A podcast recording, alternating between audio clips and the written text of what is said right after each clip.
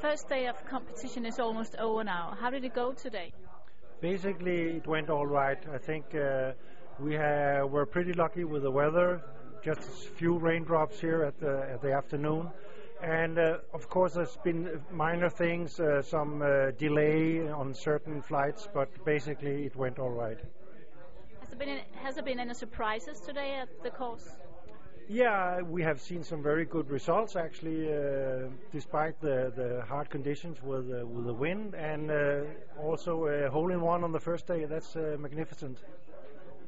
How is the atmosphere among the participants and volunteers?